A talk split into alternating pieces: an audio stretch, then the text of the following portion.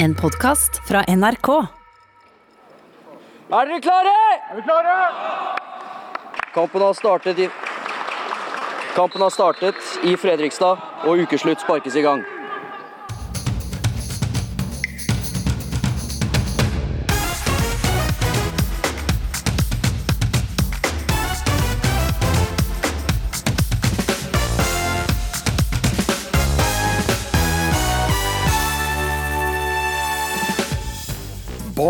Ungdom kan fra i dag av spille kamper. Bli med 16-åringene som endelig får sparke skikkelig fotball. Koronaviruset er farlig for overvektige. Nå er det på tide at nordmenn slanker seg før en neste smittebølge, sier lege Mikael Torp. Å motivere gjennom frykt er ikke veien å gå, svarer hans kollega, kjendislegen Wasim Sahid. Og bruktklær er blitt pop. Men slik har det ikke alltid vært. Da jeg var uh, liten og også handlet brukt, så var det ganske sånn lavstatus og ble sett på som noe du gjorde hvis du ikke hadde penger til det, til det motsatte. Vi blir med Jenny Skavlan på leting etter stilige og brukte plagg. Velkommen til ukeslutt her i NRK P1 og P2. Jeg heter Vidar Sem, og om få minutter skal vi ut til løpende fotballspillere. Men før det skal vi moves like Jagger.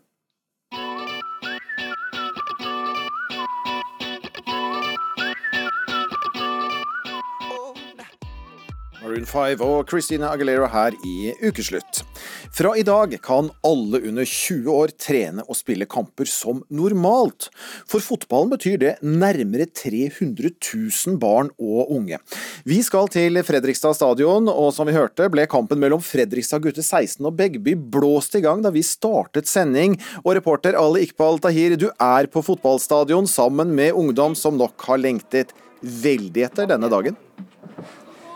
Ja, så til de grader. Det er spilt fem minutter her i oppgjøret mellom eh, Fredrikstad og Begby, og det trøkkes til i duellene fra start. Så det virker jo som en eh, gjeng som er eh, ganske så spillesugen på å spille fotball mot hverandre og mot andre lag etter å ha trent i ganske, ganske lang tid. Og lyden av dueller og susende gresstaklinger er jo tilbake, og noen trenere som er ivrige på sidelinjen. Vi sitter på benken til Fredrikstad akkurat nå. Her sitter to spillere, en som heter Peter og en som heter William. Og, og Peter, um, hvordan er det å endelig være i gang? Det er helt nydelig, egentlig. Det er deilig å få endelig spilt ordentlig match mot andre lag igjen.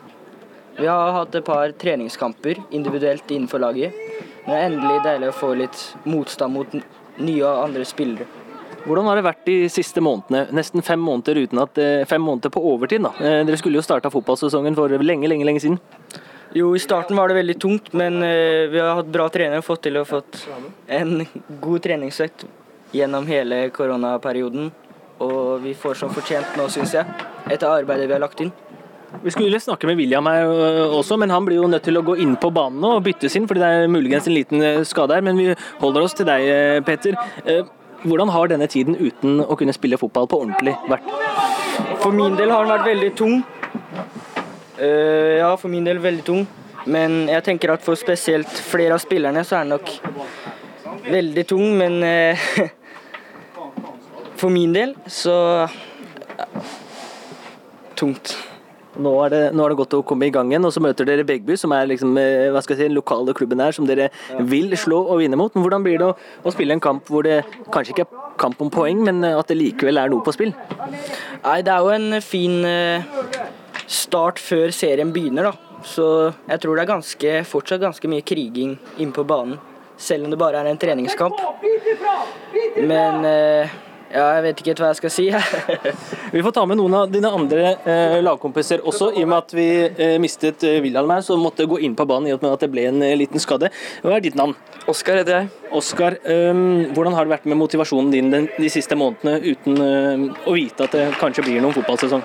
Det er klart det at Mange har nok kjent på at det har vært vanskelig å finne motivasjon til å trene på egen hånd veldig lenge over lang tid, men treneren har vært flink til å sette opp treningsopplegg som vi kan følge. og slik at vi står sammen da, gjennom hele treningsperioden. Og det har egentlig vært det har vært tungt for mange med motivasjon, men vi har kommet sterkt ut av det, syns jeg. Og du, hva er det du gleder deg mest til i dag? I dag gleder jeg meg mest til å Takle, kanskje? Ja, i hvert fall kanskje få spille fotball da, og se på gutta krige ut der.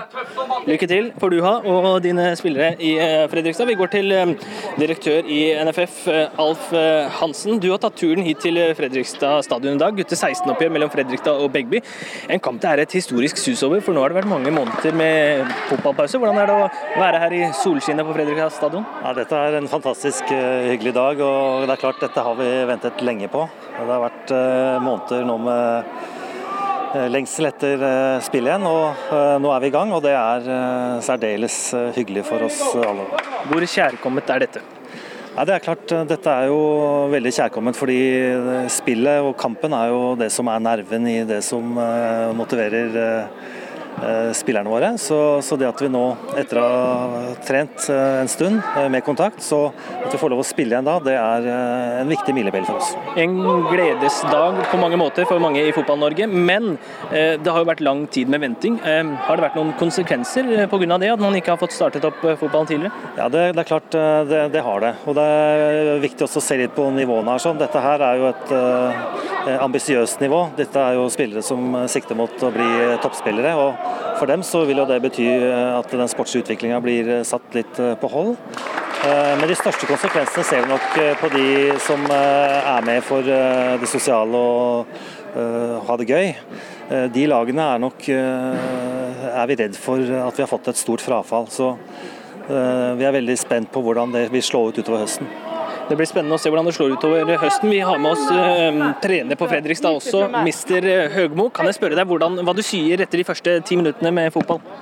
Nei, Det er utrolig deilig å være i gang. Og så I tillegg så har vi jo det knallværet. Så det, man har veldig, Som trener også har man veldig lyst til å kunne spilt utpå her nå. Så veldig glad for gutta sin del. Utrolig glad. Jeg håper du har tatt på deg solkrem, for det sola skinner som bare det på Fredrikstad stadion. Ti minutter spilt og 0-0 i oppgjøret mellom Fredrikstad gutte 16 og Begby gutte 16. Men det trøkkes til i duellene, så det ser ut som 22 spillere som har gledet seg lenge, lenge, lenge til å komme i gang med å spille fotball igjen. Og Vi må få, oss, få, med oss resultatet fra kampen. Den får du i slutten av denne sendingen. Takk i denne omgang fra Fredrikstad stadion, reporter Ali Iqbal Tahir.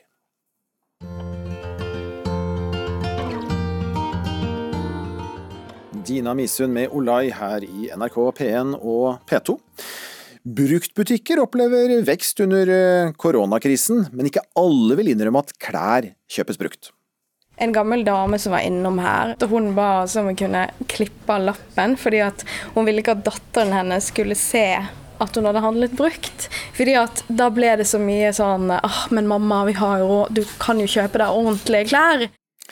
Straks skal vi handle brukt med Jenny Skavlan, men først blir det Versace on the floor i ukeslutt. Her er Bruno Mars og David Getta.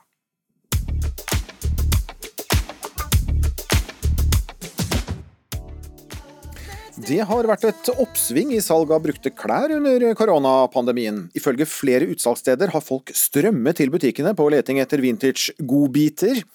Ukesluttsreporter Ina Svan tok med seg Jenny Skavlan på shopping for å høre om hvorfor brukt er pop.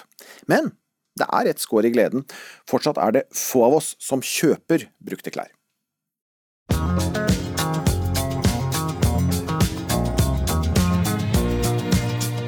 Det er 1977, og et par deilige tettsittende hjemmesydde slengebukser kommer gående ut av diskoen, der de akkurat har danset fra seg til Bee Gees. 80-tallet. De hjemmesydde slengebuksene er blitt byttet ut med høytlivsdenim, akkompagnert av en pastelljakke med skulderputer. Men ikke nå lenger, for nå er det 90-tallet, og det er tid for korte skjørt og magetopper, akkurat som jentene i Spice Girls. Mange av disse plaggene skulle til slutt ende opp i utallige bruktbutikker og klesskap, bl.a. i skapet til dronninga av redesign. Denne jo, denne lappen sier at den er fra 80-tallet en gang. Jenny Skavlan. Så nå fant jeg også en jeans. Dette er også en herrejeans, men veldig fin i vasken og ganske tykk i kvaliteten. Vi er på Fretex og leter etter noen skikkelige skatter. Og utenfor så er det en lang kø med folk som venter på å få komme inn og fråtse i de overfylte klesstativene. Bruktklærmarkedet har nemlig hatt en enorm pågang i og etter koronakrisa. Det var en kjempeboost. Dette er noe bruktsalgappen Tice, der Skavlan er medeier, har merket mye til. Både medlemmer og aktiviteten i appen steg jo voldsomt når folk lå hjemme på sofaen. Men hvorfor har korona ført til at folk kjøper mer brukt? Her har Skavlan en teori. Vi lever et litt mer sånn nøkternt liv, bruker mindre penger. Vi er mer miljøvennlige uten at vi egentlig har gått inn for det, men vi har liksom blitt påtvunget et mer nøkternt miljøvennlig liv. Det å skulle ut og vise at du henger med på det siste. For det har ikke vært så relevant nå. Vi skal ikke ut på fest, vi skal ikke ut og vise verden at vi ligger liksom foran og henger med på trendene. Nå er det mer sånn litt sånn at du har liksom grunnleggende gode, behagelige klær, da. Og mens køen med mennesker venter på utsida, kommer en ny leveranse med klær i store klestraller. Ja, da laster de inn med flere klær her. Den var fin. Sånn som denne. Ikke sant? Den ser man jo. Denne ser jeg er lin. Og en ganske fin lin. Hvis den hadde blitt gjort mye, mye mindre, altså liksom innsnitt her og innsnitt bak, hadde det vært en helt nydelig linbukse. På Fretex sitt sorteringssenter i Oslo blir klærne lempet over på rullebånd for sortering. Fretex har nemlig også opplevd en økning etter korona. Vi har sett at eh, folk faktisk kjøper litt mer enn det de pleide å gjøre før, og bruker litt mer penger i butikkene. Det sier Kristin Hareide, kjedeleder for Fretex. Men hva tror hun er grunnen? Det er nok når man eh, først har eh, vært stengt hjemme i såpass lange tider så, og ikke har kommet seg ut igjen blant folk, så, så slipper man seg litt løs og har kanskje lyst til å gjøre opp for tapt tid. Så vi ser at det er økende interesse i hvert fall for å komme ut i butikkene våre og, og handle brukt. Men til tross for at folk nå strømmer til bruktbutikkene, er det på generell basis få som faktisk kjøper brukte klær. I mai kom det en rapport fra SIFO som viste at vi nordmenn kjøper mindre enn ett brukt plagg i året, og at 86% av alle klær som kjøpes, er nye. Ja, Å kjøpe brukt er med andre ord ikke så vanlig som man skulle ha trodd. Men det vi derimot er gode på, det er å levere til gjenbruk. Vi åpner poser oppe der, som er, eh, det er rundt fem eller seks tonn hver dag av eh, klærne. Du hørte riktig. Hver dag så tar Fretex imot fem til seks tonn med klær på sorteringssenteret på Alnabru. Det sier en ansatt som nøysomt sorterer tøyet som kommer på rullende bånd. Og jeg går gjennom 600-700 hver dag. Plagg? Plagg, ja. De fineste tingene blir sendt videre på rullebåndet til butikkene her i Norge. Mens resten blir lagt på eksportrullebåndet. For faktisk så er det sånn at kun 5% av det vi leverer inn til Fretex, havner i butikkene. Resten blir sendt til andre steder i Europa, der det sorteres på nytt og sendes videre, sorteres på nytt og sendes videre. Og dermed har det seg sånn at den litt slitte buksa som du leverte inn, faktisk kan til slutt ha endt opp her. På et marked i Etiopia. Eller her. I flammene. Det som nemlig er igjen helt til slutt, det går til energigjenvinning. Men om vi nordmenn hadde vært enda flinkere til å kjøpe brukt i stedet for nytt, så hadde vi kunnet solgt mye mer av klærne her i Norge. Så hvorfor er det ikke flere som kjøper bruktklær? Jeg vet ikke, Kanskje man ikke har liksom oppdaget hvor gøy det er ennå. Vi snakket med vintageelskere i Oslos bruktbutikker om nettopp dette. Jeg syns jo ikke det er så rart med tanke på hvilken status det har hatt i veldig mange år og sånn. Det har veldig, veldig lenge vært eh, noe de som må gjøre, har gjort. Jeg vet det er venner av meg som føler seg litt sånn eh, bortkomne i bruktbutikker. Fordi at man kan være litt sånn OK, hvor skal jeg starte? Det er masse forskjellige uh, størrelser. Ja, jeg føler overraskende mange selv i min folk i min vennekrets som fortsatt synes at brukt kanskje kan fremstå som litt ekkelt. Det tenker jeg at uh, nesten er rart. At ikke det er flere. Vi er tilbake på Fretex med Jenny Skavlan. Og Det er selvfølgelig fordi jeg er så sausa inn i det opplegget her. Men vi har jo liksom bikket en million brukere på Tyson nå, så det er jo mange som ser på det som en reell mulighet. da. Uh, men jeg ser jo det på venninner og sånne ting. Det er noe med at det er så tilgjengelig og så enkelt å gå i eh, kjedebutikkene, da. Du finner størrelsen din. Her er det ikke to av ett eneste plagg. Det fins én av hver. Og du kan ikke gå og spørre om de har den i størrelsen din, for det har de ikke. Så det er jo eh, Det, det krever jo eh, litt mer effort. Hva slags tips har du til de som vegrer seg litt for å kjøpe brukt, da, og skal inn på Fretex første gangen? Hva skal du se etter? Ikke gå for noe sånn helsprøtt, gal 80-tallsgenser, liksom. Men gå for noe sånt som bare passer inn i garderoben din, og som passer inn i livet ditt. Hvis du finner en god jeans, liksom, så tar du på den, så går du, så tenker du sånn Nå har jeg på en jeans fra Fretex. Det er ingen som la merke til det. Du trenger ikke løpe rundt og rope sånn 'Jeg har kjøpt brukte klær', liksom. En hvit, pen skjorte som jeg føler at alle kan gå med, liksom. Eller bare noe litt sånn Ja, noe litt nøytralt. Så går du ut i verden og tenker sånn 'Det var ikke så farlig'. Den her så jo helt lik ut som alle de andre skjortene der. Ja, Det sa Jenny Skavlan, og reporter her var Ina Swann. Her får du Jimmy Smash og Say It Again.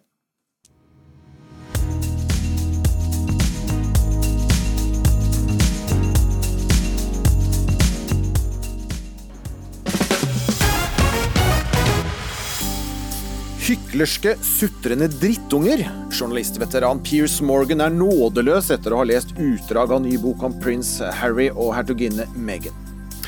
Og er det på tide å ta med seg bæsjen hvis du må gjøre fra deg ved populære turområder i fjellet? Vi tar debatten her i Ukeslutt.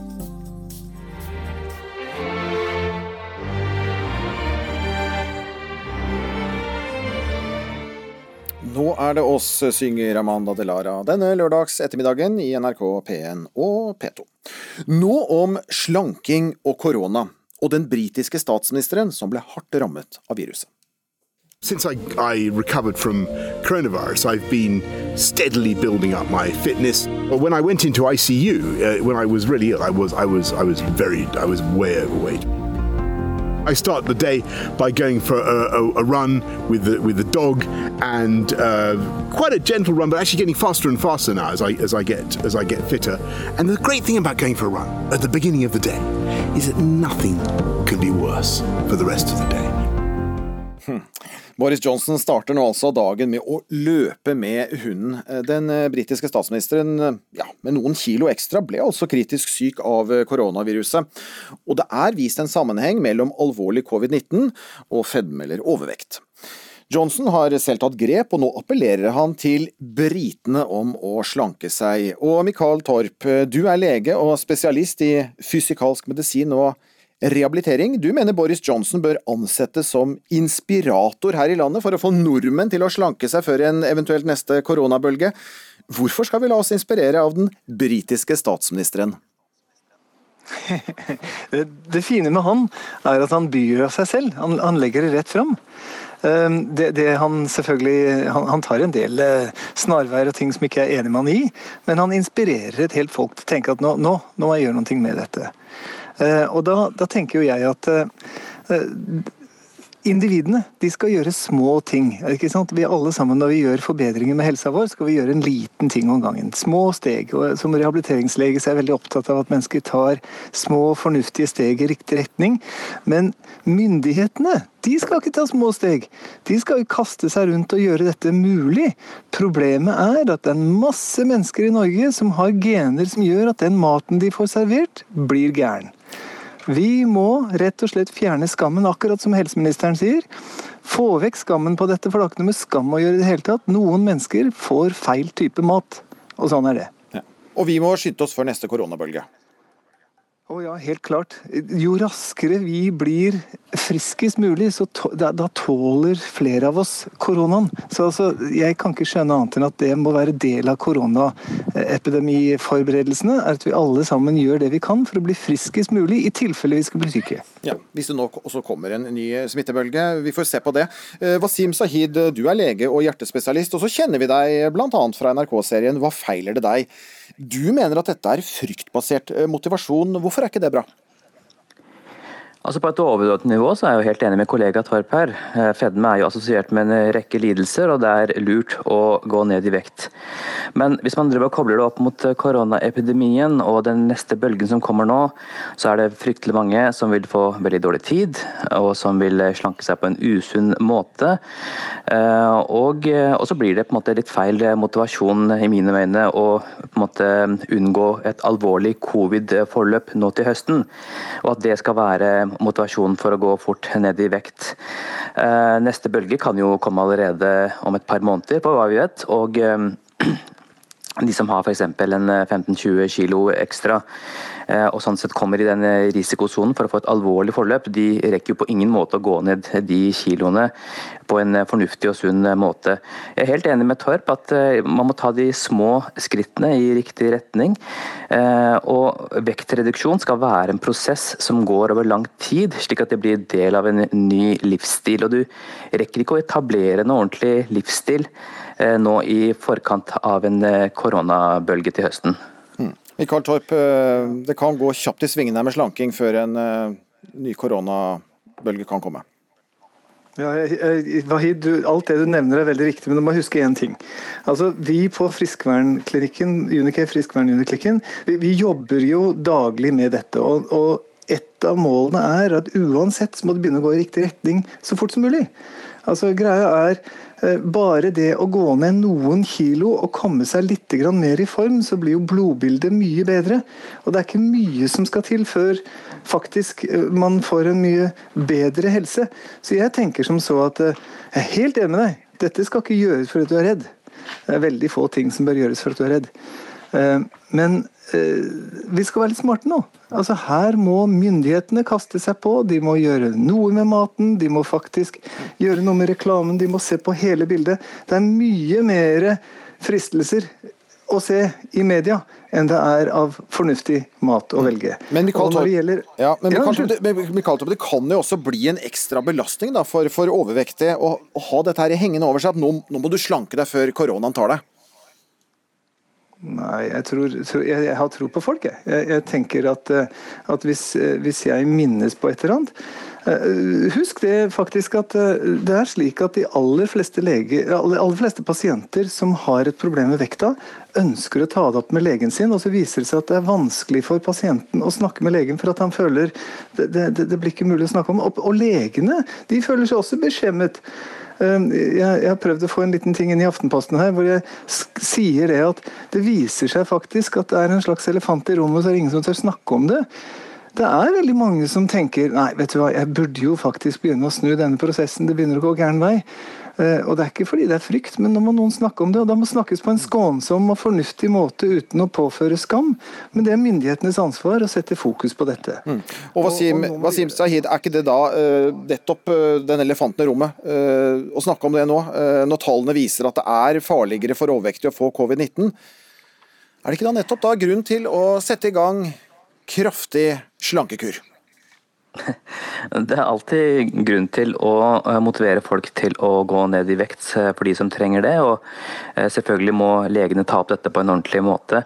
Når det gjelder Kollega Torp sier her at med en gang de begynner å gå litt ned i vekt, så ser man endringer i blodbildet. At det er endringer i hormonsystemet, immunforsvaret vårt, som da kan tyde på at man kanskje får, er bedre stilt i møte med covid-19.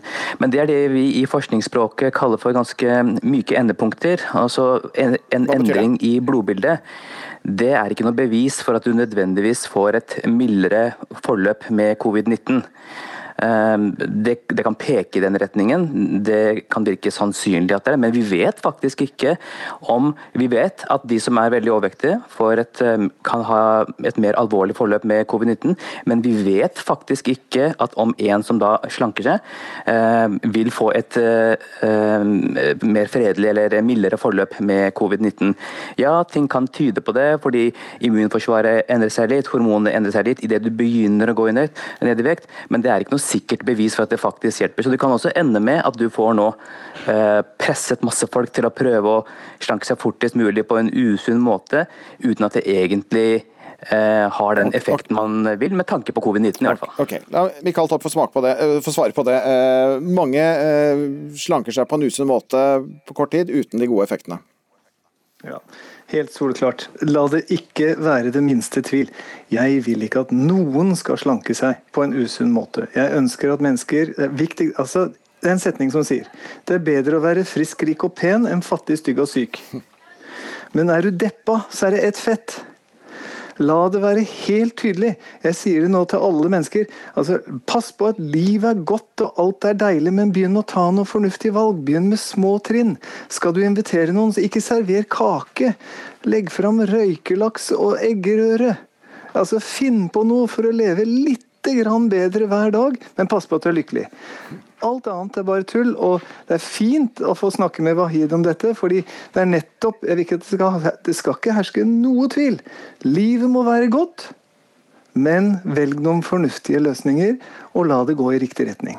Klare råd er fra Mikael Torp i koronaens tid. Takk for at dere tok altså debatten da om korona og slanking her i Ukeslutt. Legene Mikael Torp og Wasim Sahid.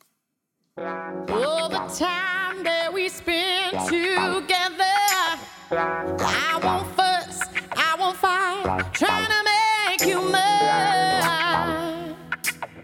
you know I'm not that kind. Anastacia her i Ukeslutt med Not That Kind. Ved store hendelser som f.eks. opptøyene i USA i sommer, så dukker det opp ord og begreper som beskriver hva folk føler og mener, og som de handler etter. Cancel culture. Cancel culture. Cancel culture. There's absolutely no place in the United States of America. I'm woke. Woke. Woke. I'm woke. The woke warriors. Virtue signaling. And the rise of clicktivism. People are calling it slacktivism. Slacktivism.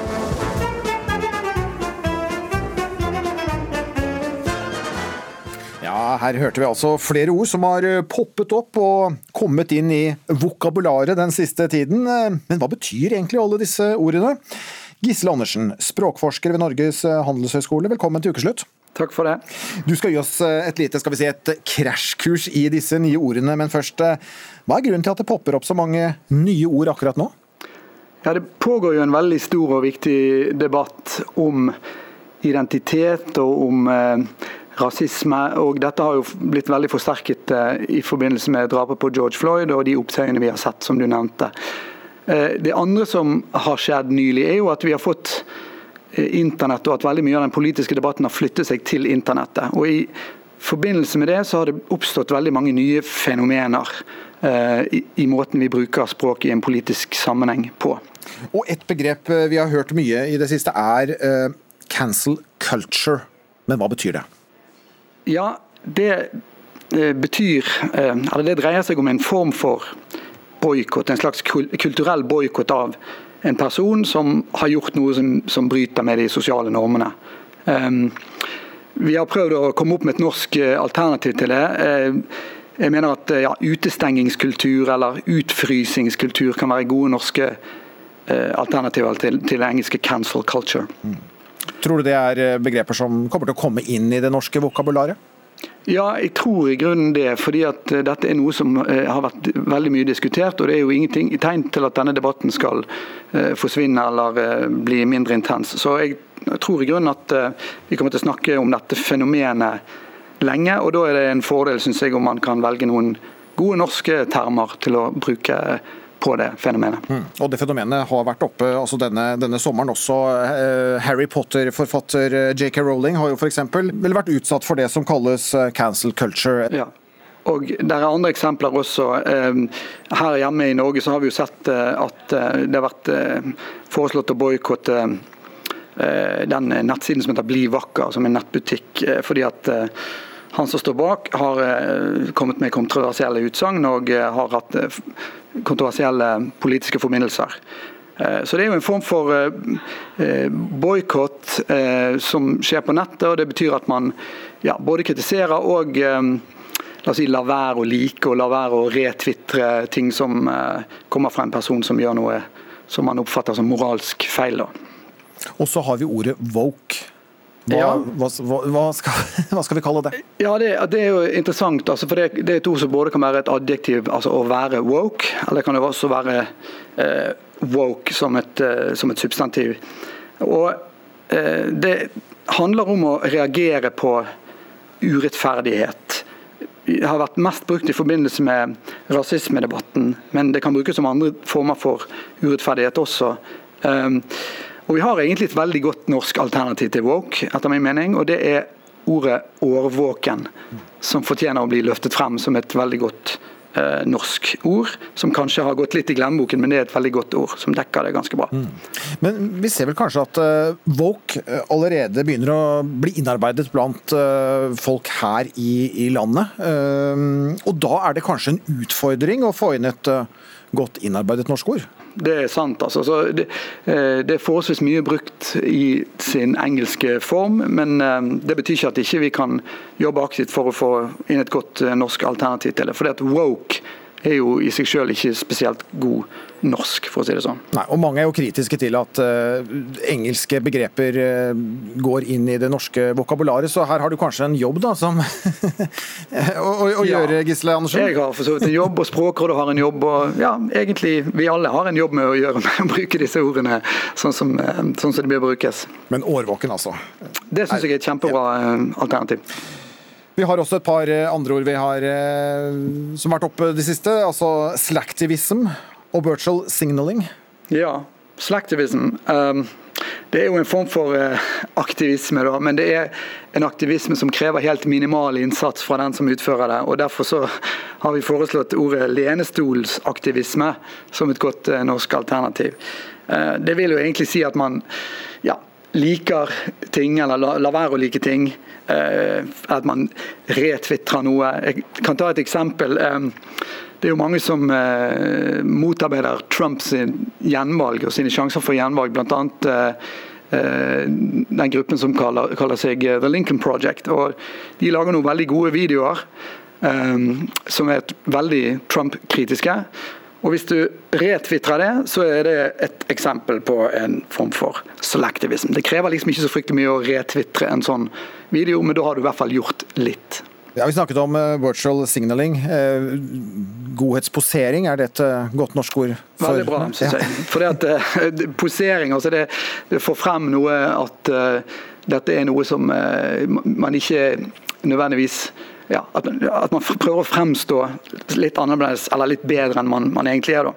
Da. Dette begrepet har vært veldig mye omtalt eh, fra høyresiden, eh, den politiske høyresiden, som kritiserer venstresiden for å være ja, betrakte seg selv som spesielt moralsk høyverdige. Er det viktig å få inn slike nye begreper og ord som vi her eh, snakker om? Ja, altså eh, Debatten ruller jo videre, og det er veldig intenst i vår tid. og Pga. disse nye fenomenene så er det jo eh, trenger vi ord for å beskrive disse nye tingene. Så Dermed så eh, er dette en helt naturlig språklig prosess, egentlig. Takk for dette krasjkurset får vi si, i nye ord og begreper som vi må forholde oss til, og ikke minst få oversatt. Ja, sånn at det blir god norsk ut av det. Takk skal du ha, Gisle Andersen, språkforsker ved Norges handelshøyskole.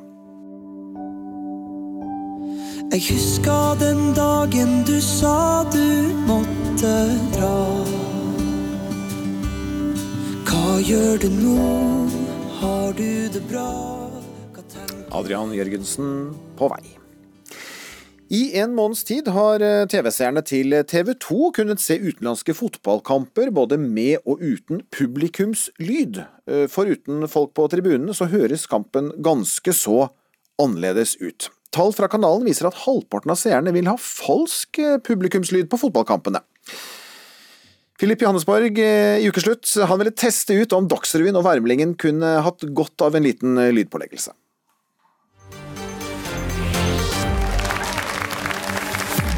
Koronasmitten øker etter at grensene ble åpna. Halvparten av smittetilfellene de siste to ukene kommer fra utlandet, og også fra grønne land.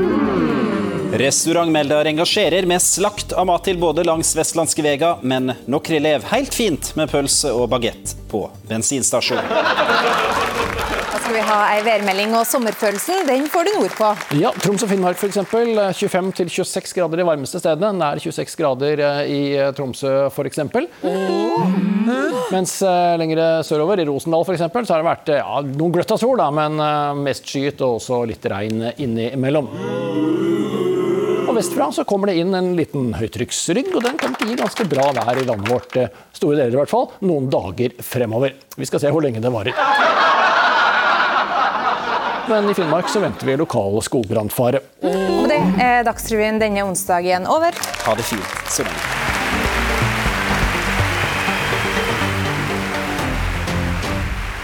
Ja, og Dagsrevyen i en sånn innpakning er kanskje siste gang du hører Det skal skje noe snart, men ikke helt ennå.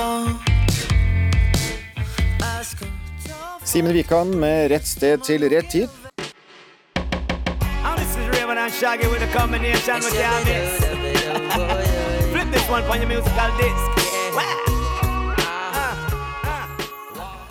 Shaggy og Raven her i Ukeslutt med Angel. Du er ute på tur i norsk natur. Kanskje går du på Besseggen eller i et annet populært fjellområde. Og så må du på do. Ordentlig på do. Du må bæsje. Det finnes ikke toaletter, så her må fjellvegetasjonen gjøre nytte som underlag. Men hva gjør du når du er eh, ferdig? Rigmor Solem, eh, velkommen til ukeslutt. Takk for det. Du er seniorrådgiver hos Statens eh, naturoppsyn og har hovedansvar for bl.a. Jotunheimen nasjonalpark. Eh, Du har overvåket fjellet i mange år, og du er, eh, ja, skal vi si, drittlei denne dritten som ligger igjen etter turgåere i Jotunheimen. Eh, Ta oss med ut i naturen. Hvordan ser det ut når det ikke er særlig trivelig? Ja, Det som er utfordringen eh, på de mest populære turmåla i eh, Jotunheimen, det er jo veldig mye folk. eh, Konsentrert til noen få sommermåneder, slik som nå. Jeg regner med det er ganske mange i dag som går turen over Besseggen, som er en ikonisk fjelltur på nordsida av Gjende, som er Norges hjerte, som vi bruker å si. Men der kan de oppleve ja, toalettpapir, våtservietter og rett og slett eh, bæsj, hvis de titter litt rundt. Ja, det, det kan en. Vi har jo et lite renovasjonsvesen også i gang eh, oppe på eh, Besseggen-området. Det er jo ravn og måke. De er flinke til å rydde opp. Men eh, dopapir, våtservietter eh, er vel kanskje ikke de så glad i. Så, så mitt råd har jo vært at eh, folk tar med seg lighter eller fyrstikker, selv om de ikke røyker, og så tenner på. Eh, Det min, gjør jo problemet litt mindre, i hvert fall. Mm. Eh, og i hvert fall for papiret kan, kan tennes på. Til Dagbladet så stiller du også spørsmål ved om vi må la resultatet ligge igjen i naturen. Eh, rett og slett eh, ta med oss eh, dritten fra, fra fjellområdene. Bør det kanskje bli noe vi tenker på? Ja, altså nå må man jo huske på det at turen som er en ganske lang fjelltur, inklusive selve Besseggen, som er en kort etappe på en lang tur, det går i hovedsak i norsk høgfjell, der nedbrytingstid av alt organisk materiale er ganske lang. Og, og når det er bortimot en 60 000 som går eh, denne turen i løpet av sommeren, så så sier seg sjøl at det er enkelte som må ta en tur på do. og mm, Det er, det er toalett i begge ender, altså i Vemmerbu og Gjendesheim. Men sju-åtte-ni times tur kan jo føre til at folk må, må ta, ta en liten tur bak en stein.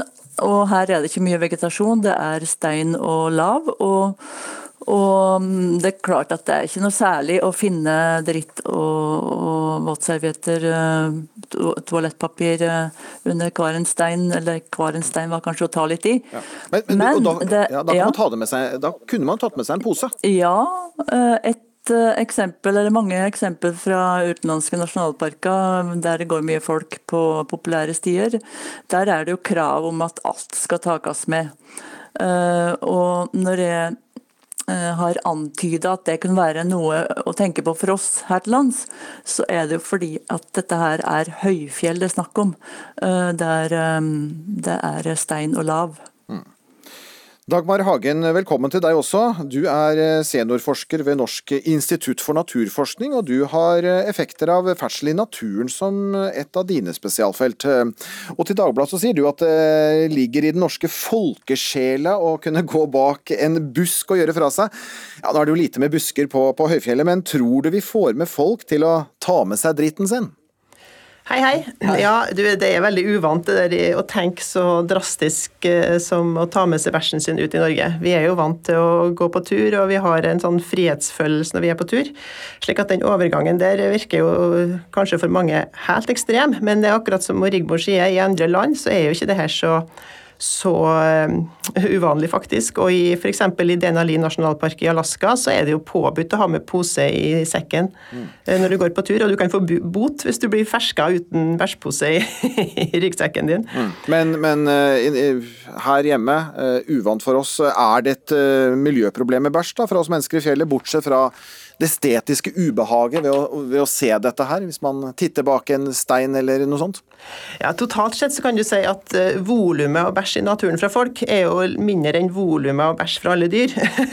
men, men samtidig så er det jo sånn at um, i tillegg til at, uh, at folk legger igjen bæsj, så legger de jo igjen papir og våtservietter. Og våtservietter f.eks., det inneholder jo plast, og det brytes jo ned til mikroplast. Og vi vet jo alle at det har vært mye fokus på mikroplast i havet, men mikroplast i fjellet er jo heller ikke bra. Eh, Og, og våtserviettene inneholder jo i tillegg eh, konserveringsmiddel som skal forsinke nedbrytinga. Eh, Sånn at, så det er jo ikke gunstig. Langt, langt verre enn en bæsjen vår. Ja. eh. Nettopp. Og i Ja. tillegg så kan du også si at det som òg er minst like ille, det er jo at vi, vi igjen, hvis vi legger igjen bæsjen, så har det vel direkte virkninger på planter og vegetasjon. Det er kanskje ikke så stor, men det er jo påvist at vi legger jo igjen søppel og matrester og annet rask og rusk når vi er på, på tur i høgfjellet. Og det er det jo ganske fersk forskning som viser at det å legge igjen den halve brødskiva og epleskrotten eh, faktisk på sikt kan ha en betydning for hele fjellsøkosystemet vårt. Mm. Ja, altså Hva er verst, da? Å legge fra seg sin egen bæsj, eller, eller matrester som brød og fruktskrotter? Nei, Det er vel den totale mengden som er ille, da. Og det er kanskje det at eh, vi har jo òg hatt en sånn vane i Norge og fått, alltid fått hørt at det er ikke er så farlig om du legger igjen den halve brødskiva under en stein, for den råtner jo. Eh, Men, men eh, som sagt så er det jo ny forskning som viser det at når det ligger igjen sånne matrester i fjellet, så er jo det mat for f.eks. kråkefugl og rev. og og, og de klarer seg veldig godt. Og når de da har det bra høyere til fjells, så fortrenger jo de de her ekte fjellartene våre. da. Reven eh, trives godt, og den tar i tillegg til den halve brødskiva, så tar den kanskje og forsyner seg med fugleegg og, eh, og tar faktisk en plass i høgfjellet. Og, og tror Fjellrevens plass. F.eks. fjellreven, eller f.eks. fugl som hekker på bakken og har reirene sine der. Eh, og, og det er klart at uh, uh, kanskje det er det lettere å få å tenke det her som en helhet. da, Tenke på at vi skal ta med oss alt hjem når vi er på tur. Og da er det kanskje lettere for folk til å ta med seg hjem søpla og og epleskrottene sine. Eh, og så kanskje når vi da har med en pose til den epleskrotten, så skal vi kanskje bare spandere på å putte våtservietten i den samme posen. Men hva med bæsjen? Ja, jeg syns jo det at bæsjen er en del av det hele, men kanskje, det er kanskje lettere å heller motivere folk for å i hvert fall ta med alt det andre, da. Og så heller være litt obs på at den bæsjen du skal jo ikke, Det er ikke så trivelig å komme over bæsj, og da må en heller tenke på det at vi må på en måte forlate stedet som vi ønsker å finne det, og i hvert fall i det minste gjemme bæsjen, da. Ja. Eh, Rigmor Solheim i, hos Statens naturoppsyn, tror du det kan bli en høyfjellstradisjon da, å ta med seg bæsjepose? Jeg håper jo ikke det at eh, det, vi, vi må gå så drastisk til verks, eh, men, eh, men det er en oppdragelse som må til. og Når det gjelder alle de som går over Besseggen, så er gjerne dette her første skikkelig fjellturen for mange. altså Den førstegangsreisende i, i høgfjellet. Og de er kanskje så rutinert på friluftslivet og kjenner godt nok til allemannsretten og de pliktene som også ligger i allemannsretten, ikke bare rettighetene til å ferdes fritt i utmark. Så, så det er en, eh, en bevisstgjøring som må til, rett og slett. eh, Og, og vi finner jo også um, flere av de som jobber som oppsyn i Jotunheimen, som jeg prata med sist, en meldte om at uh, han har funnet en del bleier, brukte bleier bak en stein, og det er jo ikke noe trivelig det heller. Nei, mange ting man kan finne. Bevisstgjøringen har folk fått nå eh, takket være dere som ble med i Ukeslutt, altså for å snakke om dritten eller det biologiske avfallet vi legger fra oss på tur. Rigmor Solheim hos Statens naturoppsyn og Dagmar Hagen ved Norsk institutt for eh, naturforskning, takk skal dere ha.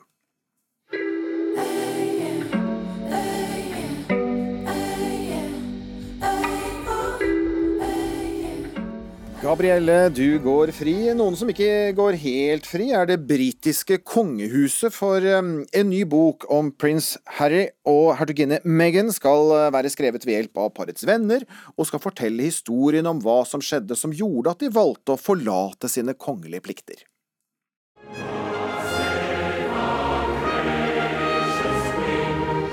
The decision that I have made for my wife and I to step back is not one I made lightly.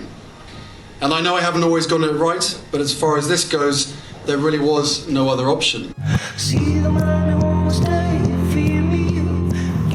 The biggest thing that I know is that I, I never thought that this would be easy, but I thought it would be fair.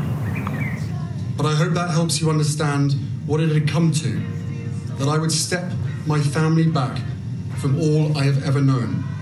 To take a, to take a step forward into what I hope can be a more peaceful life. Ja, her hørte vi blant annet prins Harry forklare at det ikke var en lett avgjørelse å gi opp sine kongelige plikter. Men en av parets, eh, skal vi si, argeste kritikere, den britiske journalistveteranen Piers Morgan, er nådeløs etter å ha lest utdrag fra boken Finding Freedom, som kommer ut eh, 11. august. Meghan og Harrys eh, nye bok bekrefter bare at de er verdens mest tonedøve, hyklerske, narsissistiske og sutrende drittunger, skriver Morgan. Og eh, Caroline Vagle, kongereporter Hisse og Hør, hva vet vi om, om hva som kommer frem i denne boken? Nei, du, Det skal jo angivelig være parets sannhet om hvorfor de ikke orka den kongelige tilværelsen, som kanskje for oss på utsida virker ganske forlokkende. Et av temaene boka tar opp, er jo at, at de møtte mye motstand i kongehuset fordi at de er så populære internasjonalt. De ble jo veldig populære som par og har masse karisma begge to. og Eh, og det var jo stor stas når de gifta seg, og det her skal ikke ha falt i god jord fra resten av kongefamilien, og, og, og man tenker at de overskygger på en måte de som F.eks. Kate og Harry, som jo en, nei, Kate og William, som en gang skal eh, bli landets kongepar. Eh, sånn at det sies at paret da følte at de ble motbehandla, og at de ikke stolte på på de som jobba for seg i hoffet, og hadde bare noen ytterst få de følte at de kunne åpne seg til. Det er også beskrevet at forholdet mellom Megan og da hennes svigerinne Kate var svært iskaldt. og og at ja, Megan ikke følte seg velkommen i, i familien, da. Det står også Ja. ja, altså, ja, ja. Ta, ta den, det er et eksempel til, ja. Det står også at For at det, Harry har jo fått Eller Megan har på en måte fått skylda for det her, at de har forlatt kongehuset. Noe som jeg syns er ganske urettferdig, for at man skal jo ikke glemme at Harry har et traumatisk forhold til eh, tabloidpressen i Storbritannia lenge før han traff eh, kona si. Men, men, her i boka kommer det frem at, at Harry hadde veldig lyst, og at det er hun mer som har backa han opp på det. da. Mm. Dette er jo andre som har skrevet boken. Hva vet vi om i hvilken grad paret selv har bidratt her?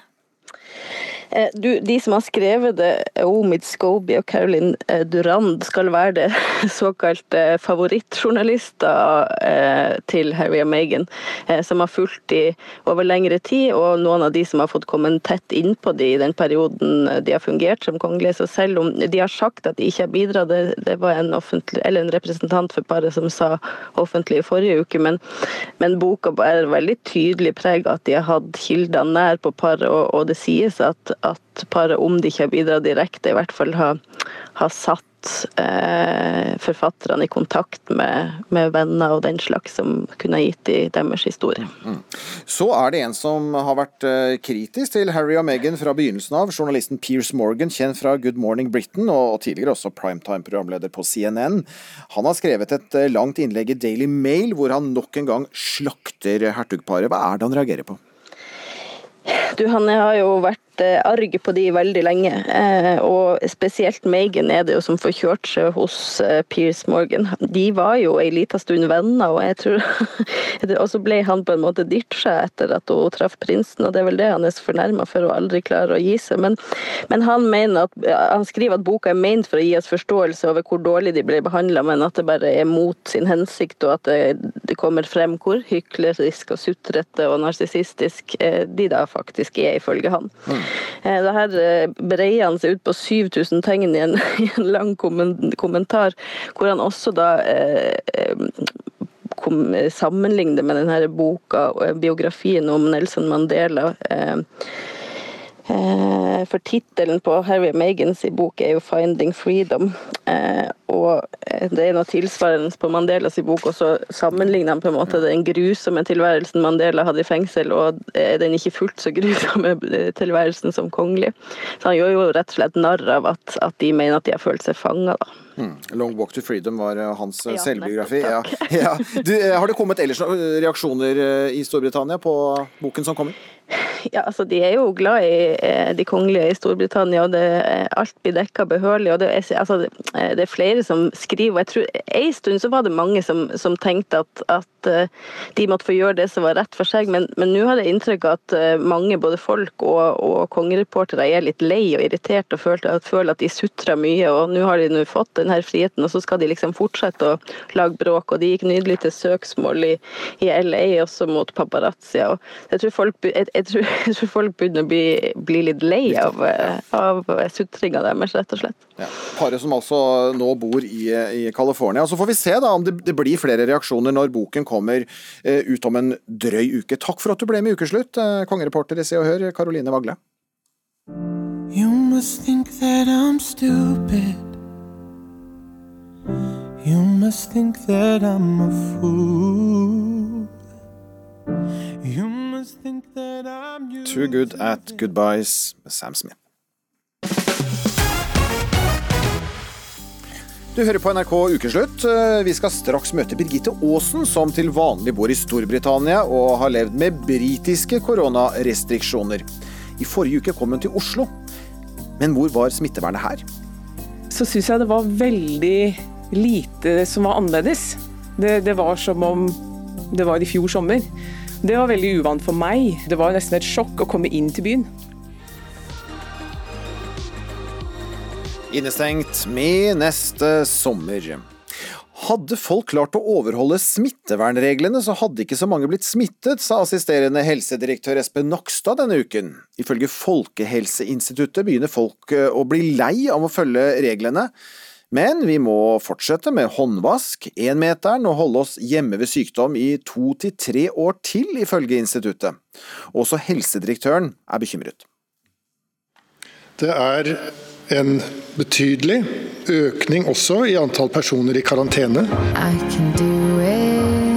Og vi opplever en viss økning i antall smittede de siste ukene. Jeg er bekymret for det. Hvis alle fulgt alle smittevernrådene sånn som de skulle, så ville det ikke vært mange titalls smittetilfeller. Det ville vært ett eller to eller tre.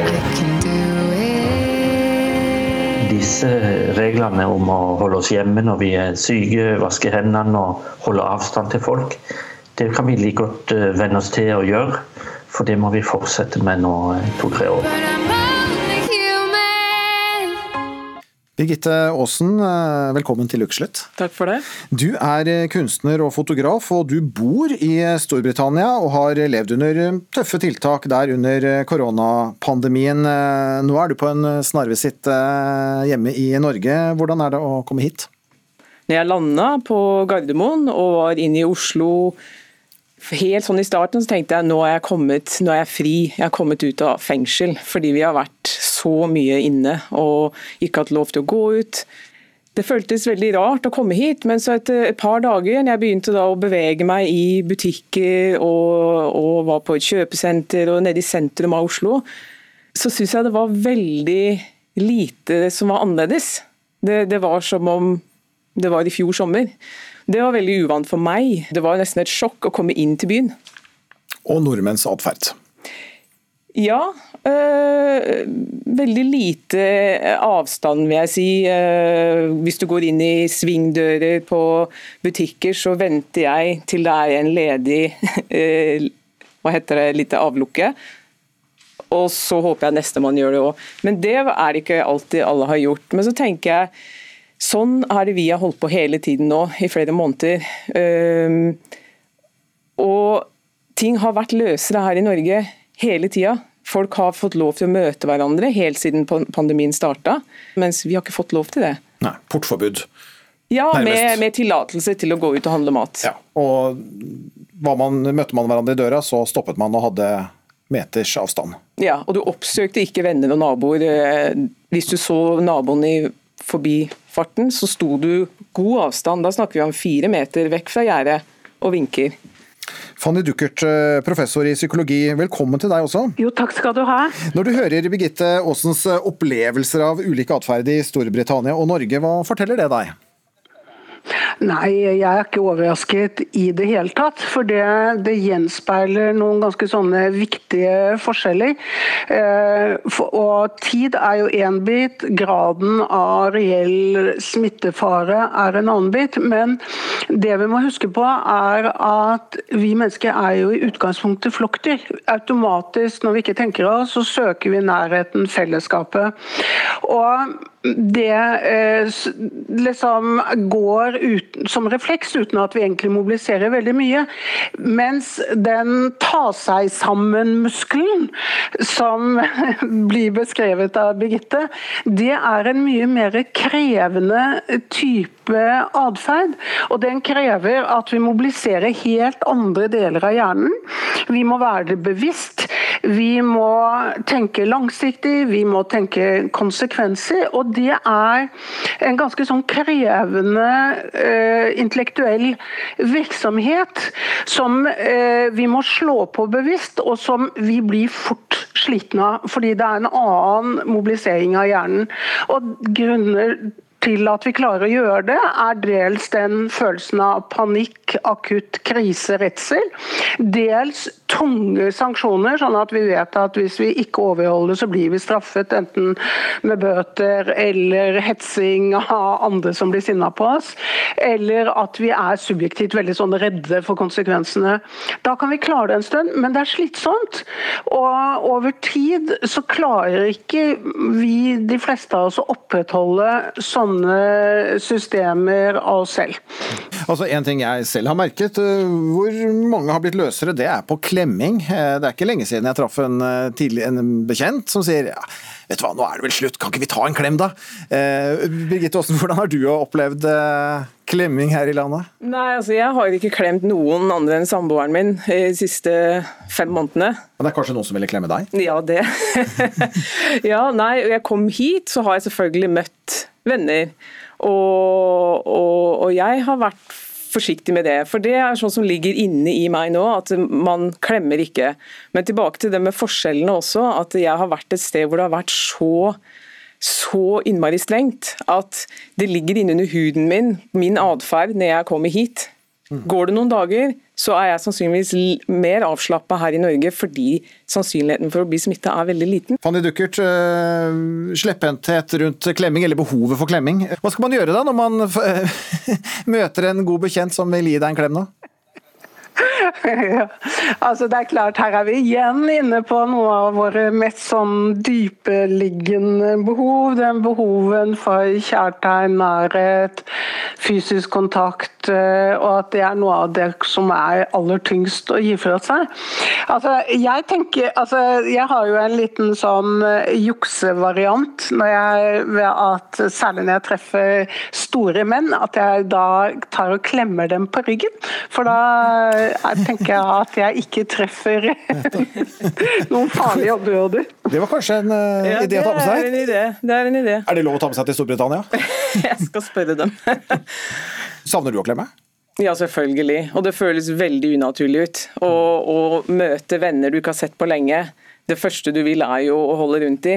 Men, eh, men jeg tenker veldig på min, hvor jeg kommer fra også. eh, Og i tillegg til at jeg er i en situasjon hvor jeg skal treffe min far, som er den sårbare, i den sårbare gruppen. Så jeg er ekstra forsiktig nå. Med, på grunn av det. Men i England så der er det ikke lov. Der er det én meter avstand. Vi kan møtes, men ikke Ikke glemme. Nei. Du skal jo straks tilbake til Storbritannia. Uh, gruer eller gleder du deg til et eh, strengere smittevern? Nei, vet du, det der har jeg blitt så vant til, og, og det har jo blitt løsere der også. Butikker har åpna. Det det er lov nå å være én husstand hjemme hos en annen husstand. Det er nå ikke lenge siden ble introdusert. Men klemmen, den må vente. Klemmen må nok vente. Takk for at du ble med i Ukeslutt, Birgitte Aasen, som til vanlig også bor i Storbritannia, men er nå i Norge og ja, har kjent på forskjellen. Hvordan vi ter oss eh, her og der under koronapandemien, og takk også til deg, professor Fanny Duckert.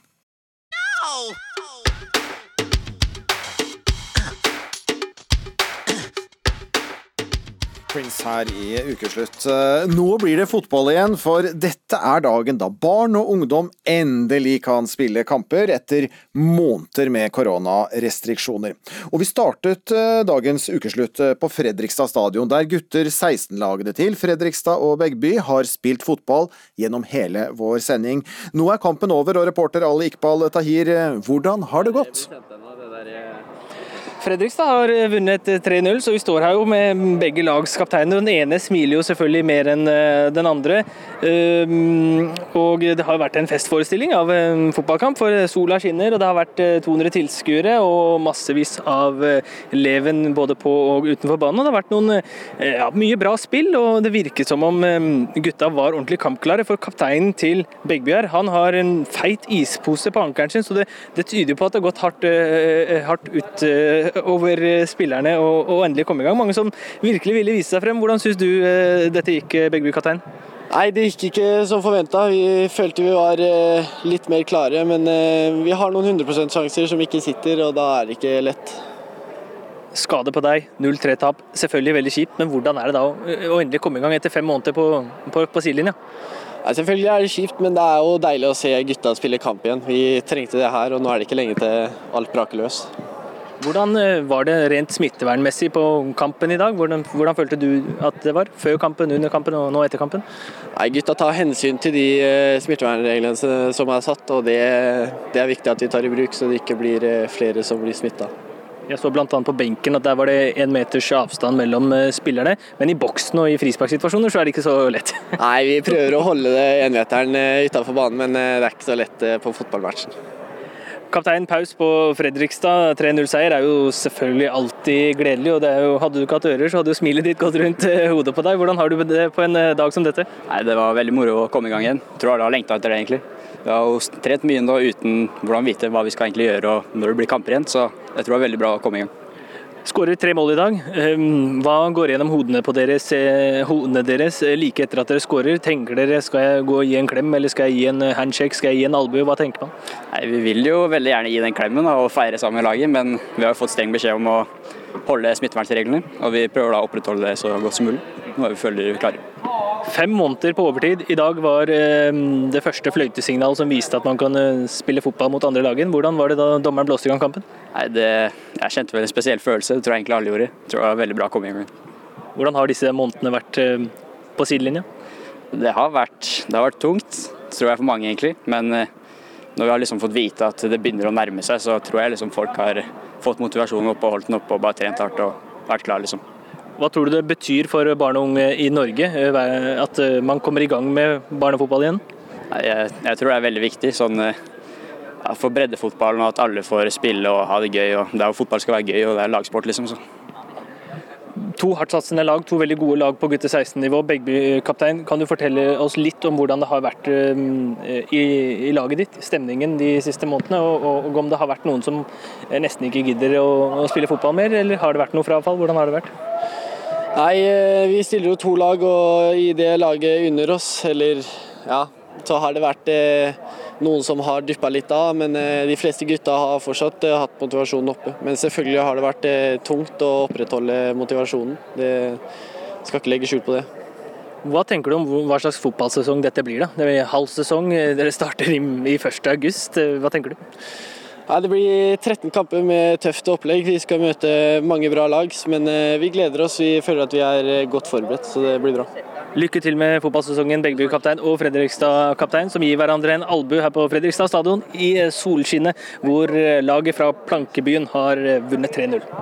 Takk skal du ha, reporter Ali Iqbal Tahir, sammen med altså glade ungdommer, i hvert fall glade for at ballen nå ruller igjen ute på banen.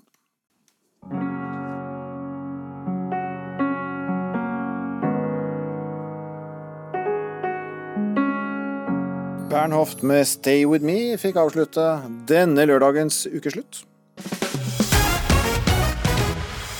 Ja, for vi nærmer oss eh, slutten, og i ukeslutt i dag så har vi bl.a. markert at eh, fra i dag så kan alle under 20 år spille kamper som normalt. Og for fotballen betyr det nærmere 300 000 barn og unge.